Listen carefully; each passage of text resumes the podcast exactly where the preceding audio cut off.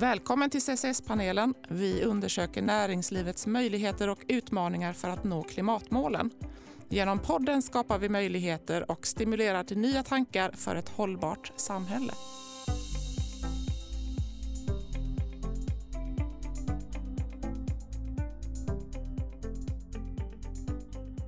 Välkommen till CCS-panelen. Jag som är programledare heter Sara Davidsson och med mig som gäst idag har jag Håkan Kilberg. Håkan, du är projektledare för projektet AIR i Perstorp.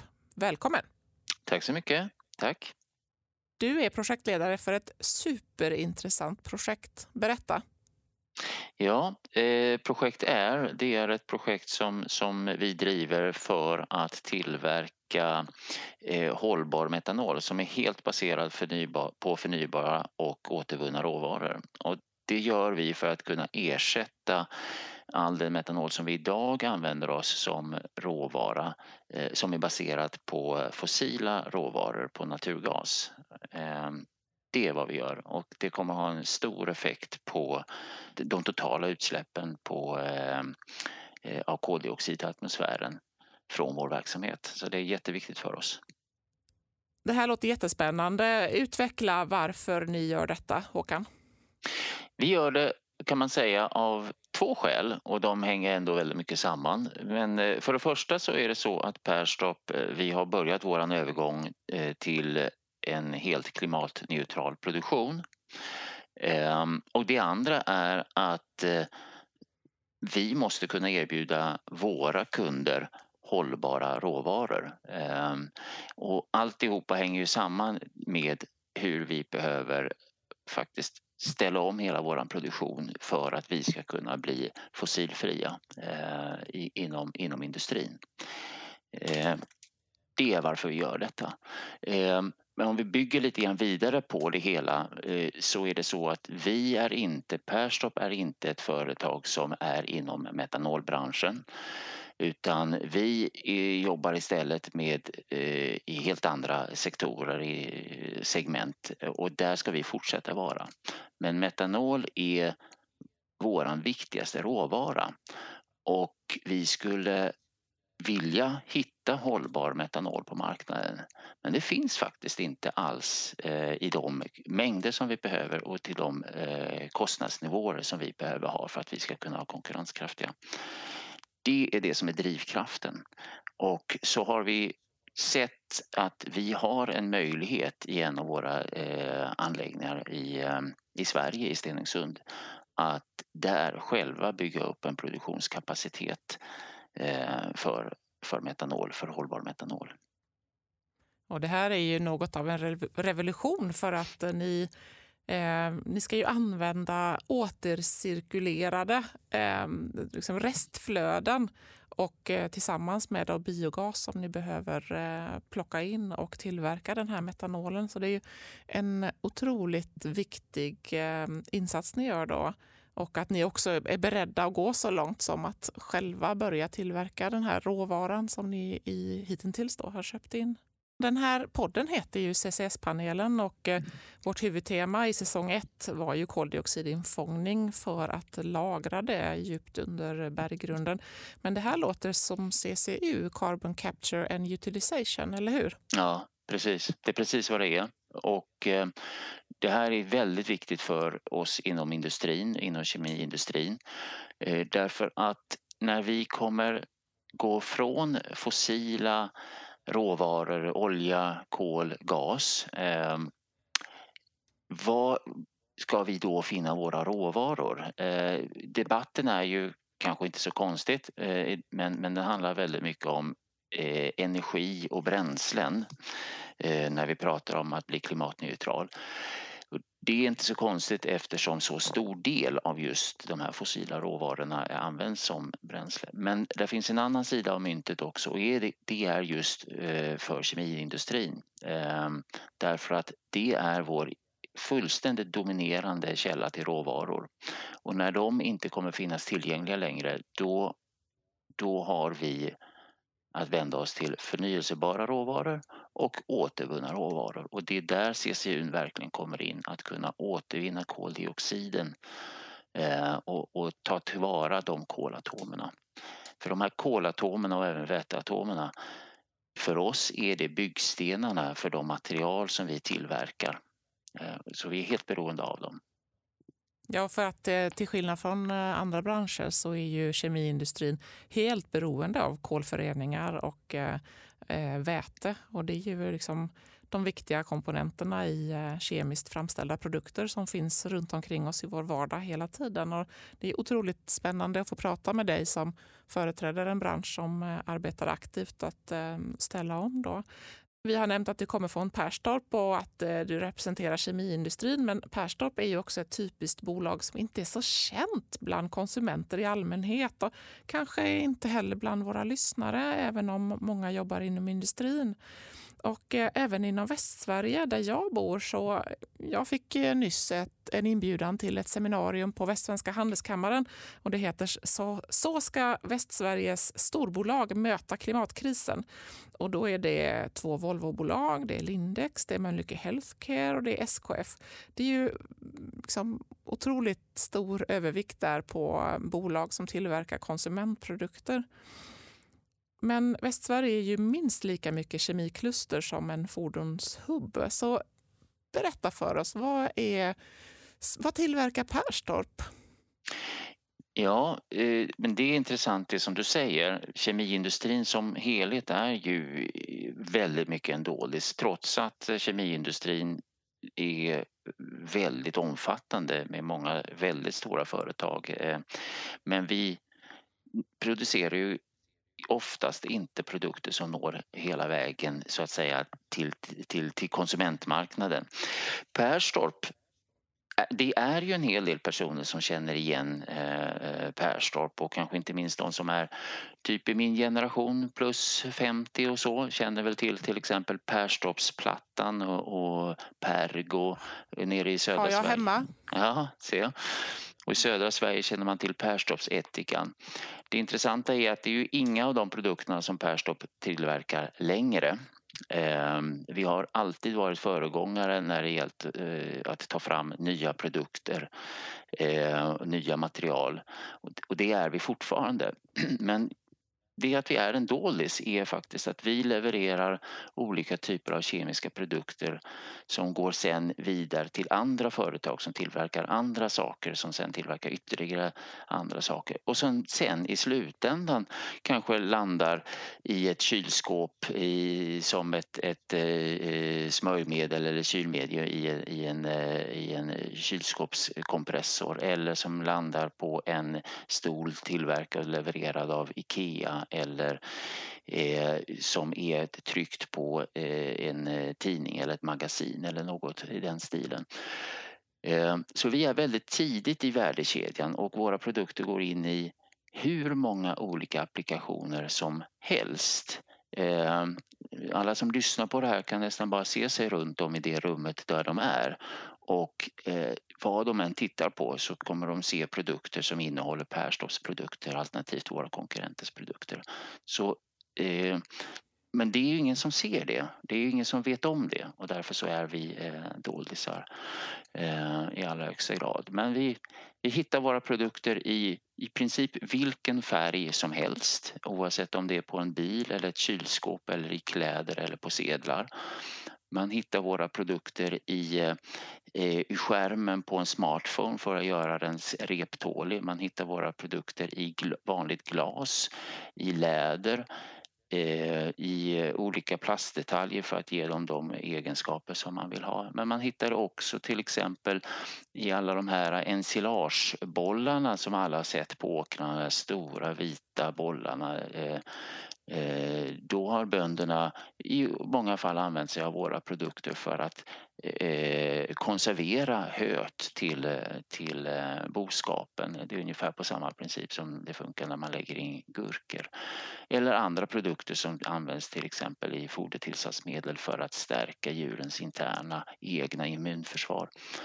Så man hittar våra produkter precis överallt. Ehm, och det är därför som det just det här att vi är så tidigt i, i värdekedjan gör det så viktigt att vi också så tidigt ställer om mot en klimatneutral produktion därför att eh, ska, ska sådana här kända producenter som Volvo eller Tetra Pak eller, eller Ikea eller liknande, ska de kunna ställa om och erbjuda hållbara produkter till, till oss konsumenter, ja då måste vi vara med där och kunna erbjuda detta, just hållbara byggstenar till, till dem.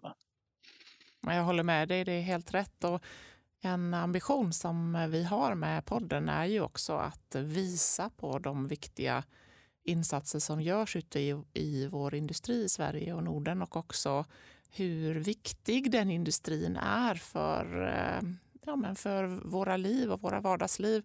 Både i Sverige men också i ett globalt perspektiv. Så att eh, vi kan liksom inte, det hjälper inte att stänga ner utan vi måste hjälpas åt att eh, hitta nya vägar att producera och tillverka saker imorgon. Och eh, där är din berättelse viktig. Det unika är ju att det här är ju världens, eh, om jag förstår det rätt, första storskaliga anläggning för att tillverka metanol med elektrolys. Stämmer det? Ja, det är, det är definitivt en av de allra första och det är definitivt den största eh, som Eh, Eh, som, som finns i, i dagsläget. Nu finns ju inte det här i, ännu så länge på plats men den, vi räknar med att det kommer bli plats, på plats ungefär eh, i mitten här på, på, på detta decennium, 2025, kanske 2026 vilket i sammanhanget är väldigt tidigt.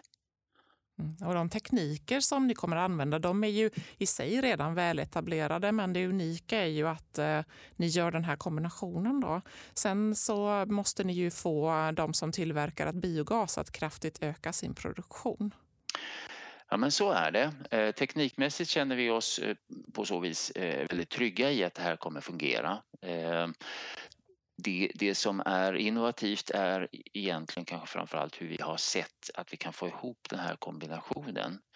Ehm, till det eh, så har vi också eh, utvecklat eller vi tar till oss teknik där vi faktiskt kan använda oss av eh, vårt utgående vatten från vårt, in, vårt industriavloppsverk som just vatten till eh, själva elektrolysen och det ställer stora krav på reningen av detta eftersom kravet på renhet på, på vatten till elektrolysören är, är väldigt, väldigt hög.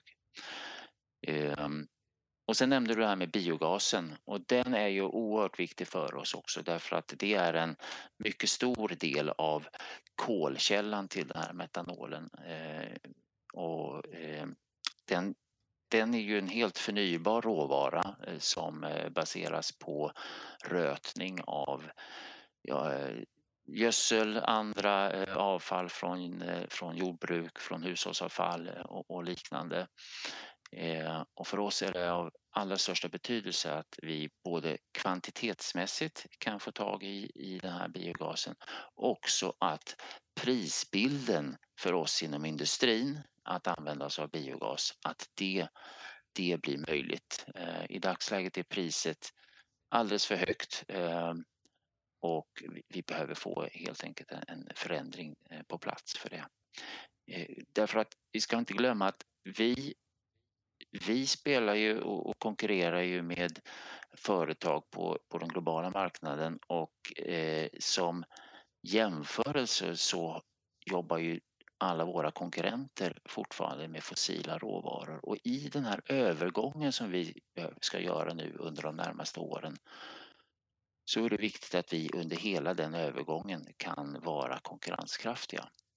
Och då är det känsligt för oss om en av våra viktigaste råvaror ligger på en helt annan prisnivå än vad konkurrenterna har.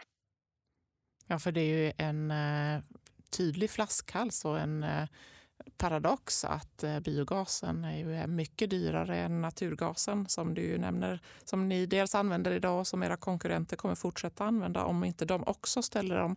Det är ju en effekt av eh, produktion, tillgång till den men också olika skatteeffekter.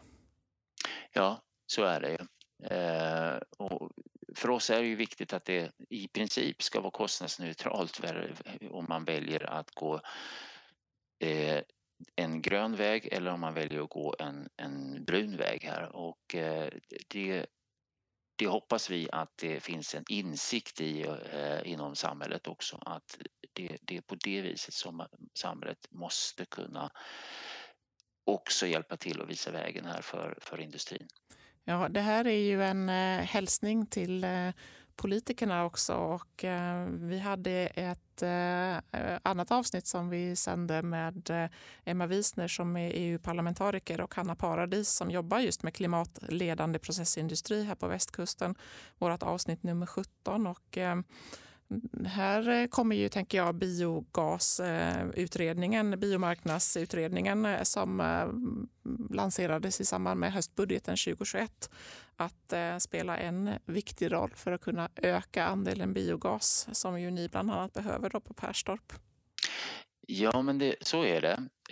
vi har ju uppfattat det som att ja, av olika anledningar så har det inte framkommit hur pass stort behovet av biogas, biomassa överhuvudtaget, och inte minst biogas, hur stort faktiskt både behovet är och potentialen är inom, inom industrin. Om vi bara tar Perstorp i Stenungsund som exempel så kommer ju det här projektet är kommer ju behöva 1,3 terawattimmar biogas att ställa mot att vi i dagsläget producerar 2 terawattimmar och totalt sett förbrukar 4 terawattimmar i Sverige om vi inkluderar importen. Om vi dessutom lägger till att Perstorp redan i dagsläget i, Stenungsund använder sig av ungefär 1,5 terawattimmar naturgas som vi om det hade funnits tillräcklig kvantitet till just ett konkurrenskraftigt pris som vi hade kunnat ställa över till biogas direkt över natten i princip. Då ser man ju att bara Perstorp har ju alltså en potential här på nära 3 terawattimmar. Så vi, vi, ser ju att behovet eh, inom industrin, inte bara Perstorp, eh, är ju stort och även potentialen är ju mycket stor och bra mycket större än vad, vad som är uppenbarligen är känt bland beslutsfattare och olika myndigheter och andra utredare. Eh, och det här är någonting som vi jobbar på att försöka förmedla och skapa den här förståelsen eh, i samhället att eh, här finns det en, ett stort behov men också en väldigt stor potential Mm. Då har vi eh, hjälpt till i podden här nu och skicka ut det budskapet. För ditt önskeläge är ju att eh, biogasen eh, och prisskillnaden på biogas och naturgas utjämnas och att också tillgången på biogas mångfaldigas. Det är ju jätteviktigt. Och de aktörer, de som just tillverkar biogas, att de känner en en stark tillförsikt och trygghet i att gå in och investera i mer produktionskapacitet. Men inte bara det utan även de som, som kan förse med eh, substrat. Om vi pratar om att röta till exempel, eh, att man får fram mer och mer substrat. Och sen även i, i förlängningen förstås titta på även andra källor för, eh, för förgasning. Ehm, det är oerhört viktigt att det finns en samlad gemensam bild av hur stort behovet är och hur stor potentialen är så att, eh, så att eh, det finns en stark vilja att, att investera här. Ja, det kostar för lite att plocka upp naturgasen från eh, den fossila, från våra djuphavskällor och ute i berggrunden. Och den här eh, biogastillverkningen den är ofta, mm, den, den skulle behöva utvecklas, eh, liksom ökad modularitet. För den är ofta, tillgången på den är ofta småskalig och runt omkring på landsbygden och eh, på många ställen i samhället. Så att det behövs ju en, en annan form av infrastruktur där om man jämför med den gaspipeline som går genom Västsverige upp från Skåne till Stenungsund idag. Ja, så är det. Det är ju på sätt och vis en fantastiskt spännande utveckling tycker jag. Eh, men i framtiden, återigen, när vi, när vi har att jobba med förnybart och eh, återvunnet material, då blir det ju mycket mer en fråga om att eh, skrapa ihop de här kolatomerna och väteatomerna så att säga. Det finns inte en enskild stor källa som man bara kan pumpa ut ur, upp ur och det kommer Eh, förändrar Eh, hela råvaruförsörjningen för, för industrin och inte minst den kemiska industrin. Ehm, och i huvudsak så tror jag att det finns eh, mest positivt i, i det, inte minst utifrån ett nationellt, regionalt och lokalt eh, perspektiv. Mm. Hur tror du att eh, de gamla Midrockbolagen, om du känner till dem, som ju nu byter namn till Granitor. Vi har ju till exempel eh, våra Mechanical-bolag och våra Rodoverken-bolag som bygger tankar och olika typer av mekaniska system. Hur ser du att de skulle kunna bidra till den här utvecklingen? Oj, Ja, rent konkret, det första jag tänker på är ju förstås eh, när det gäller eh, för vår del i, i, i, hur vara delaktiga i de projekt som, som syftar till att eh, eh bygga om och anpassa eh, tillverkningsenheter så som våran eh, och, och andras det är väl en, en del eh, direkt. Annars så tror jag väl också väldigt mycket att utifrån just konstruktion, eh, byggnader, hus och liknande att eh, på ett, på ett likartat sätt men inom just er bransch eh, också driva på för att ställa om till en klimatneutral eh, produktion. Det, det tror jag är en viktig del och jag tänker väl kanske närmast på på eh, cement eh, som ju är, är väldigt mycket i fokus nu med tanke på eh, Cementas eh, situationen där men där, där det fått mycket uppmärksamhet kring just koldioxidemissioner kopplat till cementproduktion. Där tror jag att Midrock kan göra mycket för att eh, eh, påverka det i en positiv utveckling. På ett liknande sätt kanske som, som vi driver på i, från Perstorps sida eh, att kemibranschen ska ställa om. Ja, där är ju eh, det som heter Midrock Properties förut byter namn till Granita Properties och är en av initiativtagarna till lokal färdplan Malmö 2030 till exempel, där just eh, man har identifierat eh, tillgången på klimatneutral cement och betong som en, liksom en, en grundbult ehm, för att kunna överhuvudtaget jobba med den frågan. Så det pågår ju mycket aktivitet och ehm, samarbete med Cementa bland annat. Mm. Håkan, ja? du är ju kemiingenjör så att du är ju verkligen eh, på rätt ställe när du jobbar på Perstorp. Men alltså, du har jobbat hela ditt yrkesliv på Perstorp. Vad är det som är så speciellt och bra med Perstorp? Det är många saker, jättemånga saker och det är klart att har man jobbat så länge i ett och samma företag så är det väl rimligen någonting som man just fastnat för. Ehm, det som gjorde att jag började jobba på Perstorp var just som kemiingenjör var att eh, de processer som vi håller på med i Perstorp som en kemiingenjör är otroligt fascinerande därför att i princip allt som man lär sig på eh, högskolan som kemiingenjör, alla de olika enhetsoperationerna hittar man i våra processer så man får verkligen använda sig av sina kunskaper där. En annan sak som är väldigt spännande med Perstorp är att vi hela tiden ligger i framkant när det gäller att utveckla både våra processer och våra produkter. Precis som jag nämnde här med Perstorpsplattan och Pergo och för länge, länge, länge sedan när vi kom med Perstorpsetikan. Vi fortsätter på samma sätt att hela tiden ligga i framkant och ta fram nya produkter och nu är fokus väldigt mycket på att ta fram produkter som i sina applikationer har en positiv effekt på, på eh, på eh, miljöpåverkan. Allt ifrån att det är hållbara material som vi tar fram men också hur vi ökar så att säga effektiviteten och gör att man kan totalt sett minska miljöpåverkan i de applikationer som finns. Till exempel hur vi jobbar med att utveckla helt vattenbaserade färgsystem tillsammans med våra leverantörer. Eh, vi är också ett, har alltid varit ett globalt verkande företag. Vi är egentligen en väldigt liten kemikoncern men vi agerar som om vi vore en av de här stora eh, drakarna och det gör att det är för att på där vi verkar inom de marknadssegment vi jobbar, där är vi faktiskt störst eller näst störst eller tredje störst. På mer än hälften av alla de eh, marknader vi, där vi är, är vi faktiskt störst. Och, och det, har en, det gör ju att eh, det blir väldigt mycket spännande arbetsuppgifter som man, man får ta del av och, eh, och så finns det också sen då för mig då har det funnits hela tiden möjligheter att eh, komma in i helt nya sammanhang. Mm. Som det här som du, vi gör nu eh, till exempel. Ja. Du bor i Skåne. Du jobbar, eh, det här projektet som du projektleder kommer ju äga rum i Västsverige, i Stenungsund. Har mm. ditt arbete, din yrkeskarriär fört dig utomlands?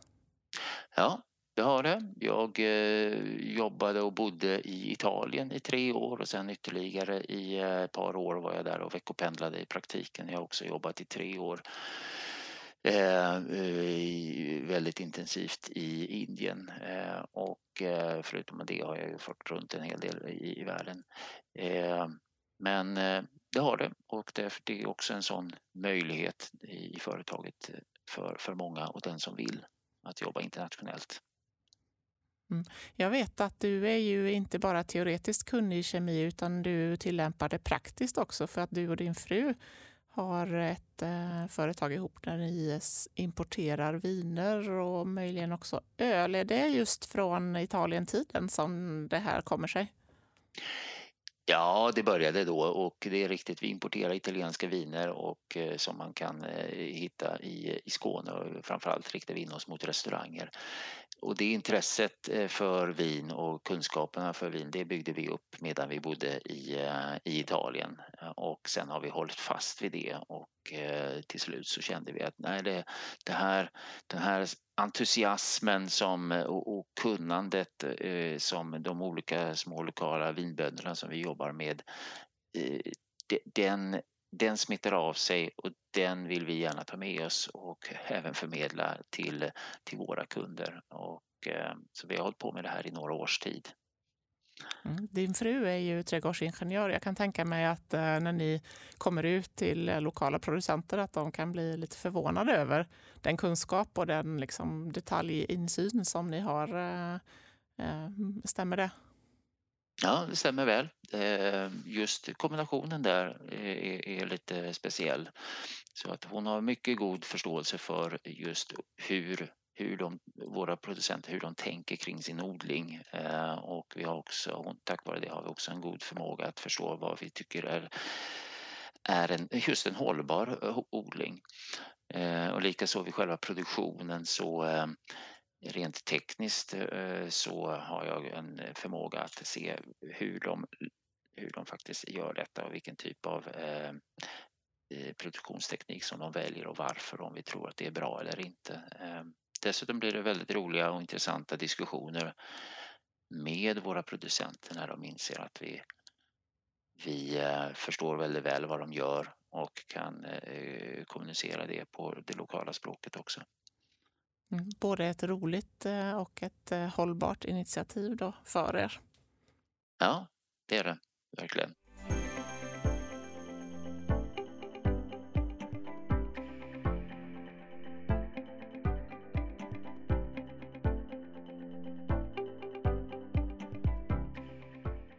Håkan, vi ska prata mer om eh, politik och eh, finansiering och styrmedel och liknande för att eh, det Perstorp gör nu är ju något av en revolution för Västsverige. Ni ska genom ert projekt minska koldioxidutsläppen med 500 000 ton per år och det motsvarar ju de årliga utsläppen från inrikesflyget eller 1% av Sveriges utsläpp. Och det här händer nu och det gör att det blir förnybart i alla era produkter. Samtidigt då så behöver ni ju en stödfinansiering. Det ni gör är unikt. Ni är först ut och jag vet att ni har sökt pengar från EUs innovationsfond. Det slutgiltiga beskedet kom i november 2021. Hur gick det? Tyvärr fick inte vi eh, pengar från Innovationsfonden. Vi var inte ett av de eh, bolag som, eller de projekt som, eh, som valdes ut. Eh, och det är klart att det är en besvikelse. Eh, vi är fast beslutna att genomföra det här projektet i alla fall. Just nu analyserar vi bättre för att förstå vad det som var eh, man ansåg var bristerna i vårt projekt. Vad är det vi behöver eh, förstärka eller förtydliga i sådana fall? Eh, det är intressant att ändå läsa den utvärderingen där, som vi får där man är väldigt, väldigt positiv till i, i princip allt eh, och ger oss eh, starka eh, så att säga betyg. Med ett viktigt undantag och det är att de ser att våran affärsplan är svag därför att eh, de anser att just tillgången till biogas är alldeles för osäker. Ehm, och det här är ju på sätt och vis någonting som vi kanske inte är helt överraskade över men det är också just därför som vi driver den här frågan eh, kraftfullt för att skapa förståelsen att biogas är en alldeles avgörande eh, i många fall eh, råvara för, för industrin framöver. Eh, den finns inte den kunskapen idag men eh, vi är övertygade om att både för Perstorp och för annan industri i Sverige så är biogasen jätteviktig. Eh, det här måste vi, om vi kommer vidare, när vi går vidare skulle jag säga, så behöver vi se över vårat vårat case och vi behöver eh, skapa den här insikten att det är ett starkt case. Det bygger absolut på biogas, det bygger på andra saker också. Eh, men det är det vi jobbar med eh, just nu. Vi har redan fått beviljat eh, från Industriklivet 295 miljoner kronor. De har vi förstås inte börjat på något sätt använda oss av utan vi måste ju se till så att vi har hela projektet finansierat innan vi kan göra det. Men vi, vi, vi förstår ju att Energimyndigheten har eh, både förstått potentialen i det här projektet och även förstått potentialen och vikten av att, att eh, förutsättningarna för det här projektet också eh, kan eh, så att säga eh, förverkligas. Eh, så, så det är vi väldigt glada för att vi har lyckats så långt. Så det är bara till att fortsätta. Ja, för ni kommer ju fortsätta med projektet eh, ändå och det är all heder åt er. Sen så tänker jag att ehm, Europeiska innovationsfonden, de, de delade ju egentligen eh, den bedömningen som ni själva har gjort, att det är tillgången på biogas som är Eh, en flaskhals här. Och, ehm, varför tror du att det är så? Att vi har dels en eh, beskrivning i ehm, till exempel Fossilfritt Sverige och olika färdplaner om att ja, men det behövs eh, biogas, men den beskrivningen är ju inte i paritet med det du själv lyfter här att behovet är. Varför är det så? Ja, det är en bra fråga. Eh, jag kanske inte har ett eh, fullt svar än så länge eftersom jag själv ställer mig den frågan. Men vad jag förstår är väldigt viktigt det är att eh, vi för en väldigt öppen dialog och diskussion från industrin, från olika instanser, myndigheter på alla håll kring just denna frågeställningen. Var ska vi få tag i våra kol och väteatomer för att bygga våra material för industrins eh, eh behov? Kanske är det så att den här diskussionen eh, ganska så nyligen egentligen har börjat. Det har ju varit länge en fråga kring energi och bränslen men eh, just den här eh, sidan av saken eh, kanske inte helt, helt enkelt har diskuterats tillräckligt länge. Eh, det är möjligt att det är det som är huvudorsaken. Mm, och kemiindustrin är ju en doldis. Det har ju vi båda konstaterat i vårt samtal här. Och det har varit mycket fokus kring bränsle och energi Eh, och de fossila råvarorna går ju framförallt till det, till våra transportsystem och liknande. Men, men samtidigt så behövs det ju eh, de här kol och väteatomerna i industrin för att tillverka de här basprodukterna. Ja, det behövs det eh, absolut och det finns ju det finns ju uppgifter som faktiskt säger att industrin kommer behöva fördubbla sin mängd kolatomer i produktionen Eh, fram till, eh, jag tror det är 2040 eller möjligen 2050. Men alltså en kraftig ökning av eh, mängden kol som vi använder oss av. Och det låter kanske konstigt för den ovane eh, lyssnaren vad gäller de här frågorna men vad det egentligen handlar om är ju just att i olika material som vi tillverkar och som vi använder oss av i samhället så består de i så väldigt stor utsträckning av just kol och väteatomer. Och om vi tittar globalt då så både på grund av att vi blir fler människor i världen och på grund av att levnadsstandarden som tur är höjs mer och mer för många, många, många fler människor, ja då kommer också efterfrågan öka. Eh, om det sen verkligen blir så eller om man, man det finns eh, andra eh, tendenser i samhället som ändå minskar eh, produktionen eh, av, av material eller inte, det återstår väl att se. Men att det kommer vara ett ökat behov av kol och väteatomer som material. Det är alldeles solklart. Och då ska vi få ihop det med balansen att vi sen, är, som tur är, inte ska använda oss av fossila råvaror utan återigen, det är förnybart och det är återvunnet som, som är eh, lösningen framåt.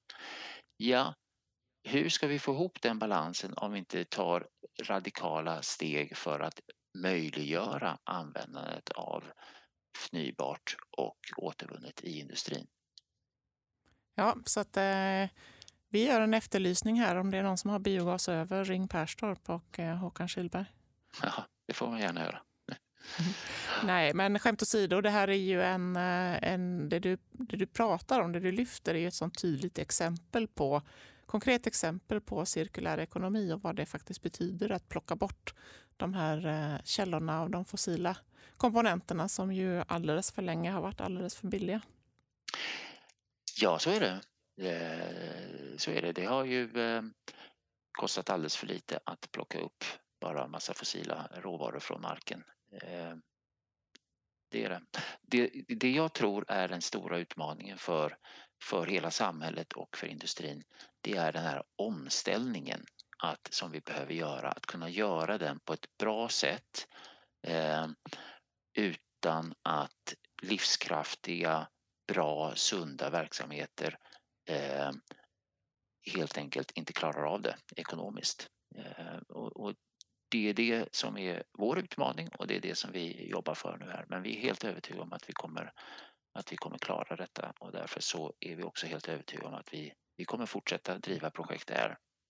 Ja, och det du beskriver är ju eh, en eh, prövande period de kommande åren. Sen hur lång sträckan är, det är ju också beroende av hur snabbt vi lyckas göra omställningen och prioritera tillsammans. Som eh, privatpersoner så märker vi av det i ökade elpriser. De som har, eh, som har rörligt pris och industrin märker ju av det också. Eh, och det du eh, pekar på är ju just det faktum att Perstorp i det här fallet går först och gör den här omställningen och då bär man ju en extra finansiell risk i, eh, i det. Så att, ja, jag är ju en av dem som, som står vid din sida och hejar på och hoppas att ni eh, mm, hittar den här stödfinansieringen. När det gäller Europeiska innovationsfonden så har ni ju möjlighet att eh, att söka igen naturligtvis. Och den, eh, en ny eh, ansökningsperiod har ju precis öppnat här under senhösten 2021 och eh, kommer att vara öppen fram till vårkanten 2022. Så att ni kan gå in med kanske utökade förklaringar eller nya samarbeten eller vad det kan vara. Håkan, du, jag tänker mer på den här kommersiella aspekten att, som du är inne på. för att i och med att ni går först så går ni ju egentligen från en eh, billigare eh, nuvarande produktion till någonting som kommer att medföra ökade kostnader för er. Kan ni ta mer betalt för er produkt? Eh, det, det är utmaningen för oss eh, och eh, Eh, kan vi få kompensation med att vi tar ett högre pris därför att vi har högre omkostnader eh, till det hela. Och eh, eh vår erfarenhet är att det finns ett ganska så litet utrymme att, att göra det. Eh, och det tror jag beror väldigt, väldigt mycket på att just det att vi är så tidigt i värdekedjan. Eh, om vi tänker oss en färdig produkt som innehåller våra våra produkter. Eh, där är det väl högst sannolikt att en, en eh, någon som erbjuder till exempel en burk målarfärg till en slutkund och menar att den innehåller bara eh, hållbara eh, råvaror eh, kan säkert ta ut en premie för det. Sen är ju då frågan, men kommer hela den premien nå hela vägen ner till oss? Och det är eh, svårt att säga hur mycket av det som kommer nå till oss. Ehm, det där är ett, en, en problemställning som jag tror att eh, många som just ligger tidigt i värdekedjan faktiskt eh, har när de ska göra sin omställning. Det är så intressant i det samtalet för eh, jag nämnde Midrock Properties som då byter namn till Granito Properties där, som är en av initiativtagarna till lokal färdplan Malmö och där är det ju 150-170 bolag i dagsläget och andra organisationer som är med i liksom ett, ett eh, lokalt kluster kring Malmöområdet och Skåne för att ställa om eh, byggbranschen och eh, fastighetsutvecklingen. Och det innebär ju att det är liksom alla kategorier från staden till eh, entreprenörerna, leverantörerna av material, eh, logistikpartners, det är byggherrarna, det är arkitekterna, konsulterna. Alla är med om detta och eh, enas. Och det du beskriver är ju egentligen att ni är på en global marknad och det är svårare. Och ni skulle också behöva hitta den här, det här klustret, alltså den här överenskommelsen. Men den är ju svårare att pinpointa för att ni eh, verkar på en global arena. och eh, ehm, Även om ni har identifierat värdekedjan och leveranskedjorna så är det ju gissar jag, svårare att nå överenskommelser?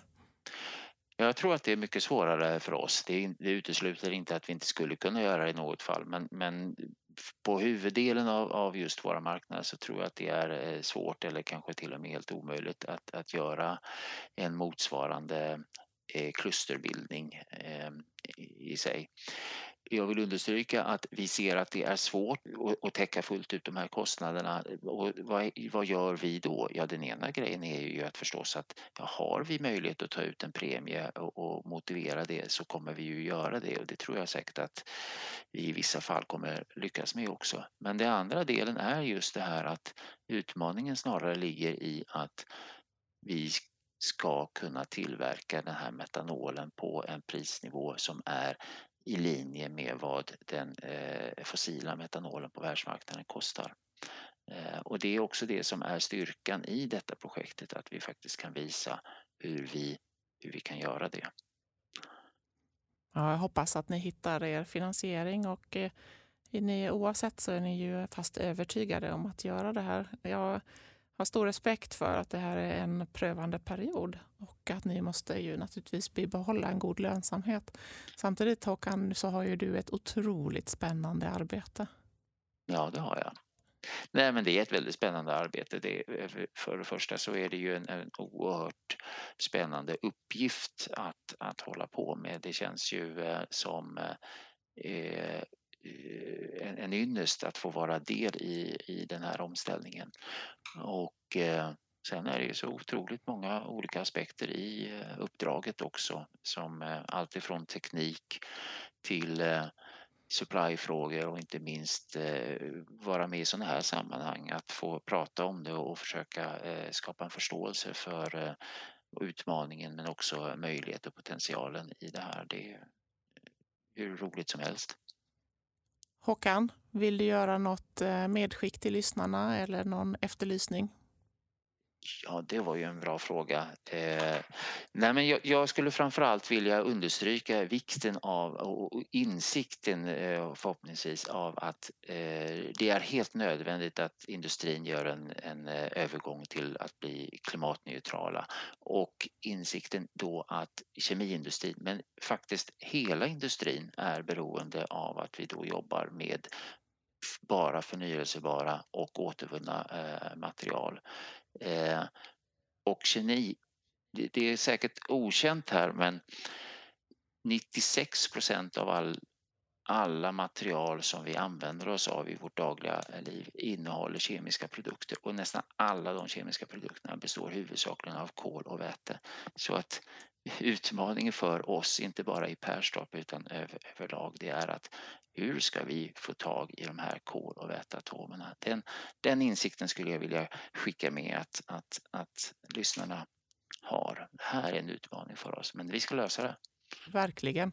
Och eh, du eh, satte huvudet på spiken på ett av de viktiga syften med eh, vad som driver mig att göra den här podden. Därför att om vi exemplifierar och berättar om saker som händer men också de utmaningar som finns med det så kan vi nå ut till väldigt många lyssnare som kan hjälpa till att klura på eh, de förändringar som behövs, de lösningar som behövs. Och det är ju både finansiella aspekter, politiska aspekter, tekniska aspekter och eh, olika former av samarbeten för att eh, det behövs timing i alla de leden för att få saker och ting att hända. Mm. Håkan, Stort tack för att du har gästat mig i podden.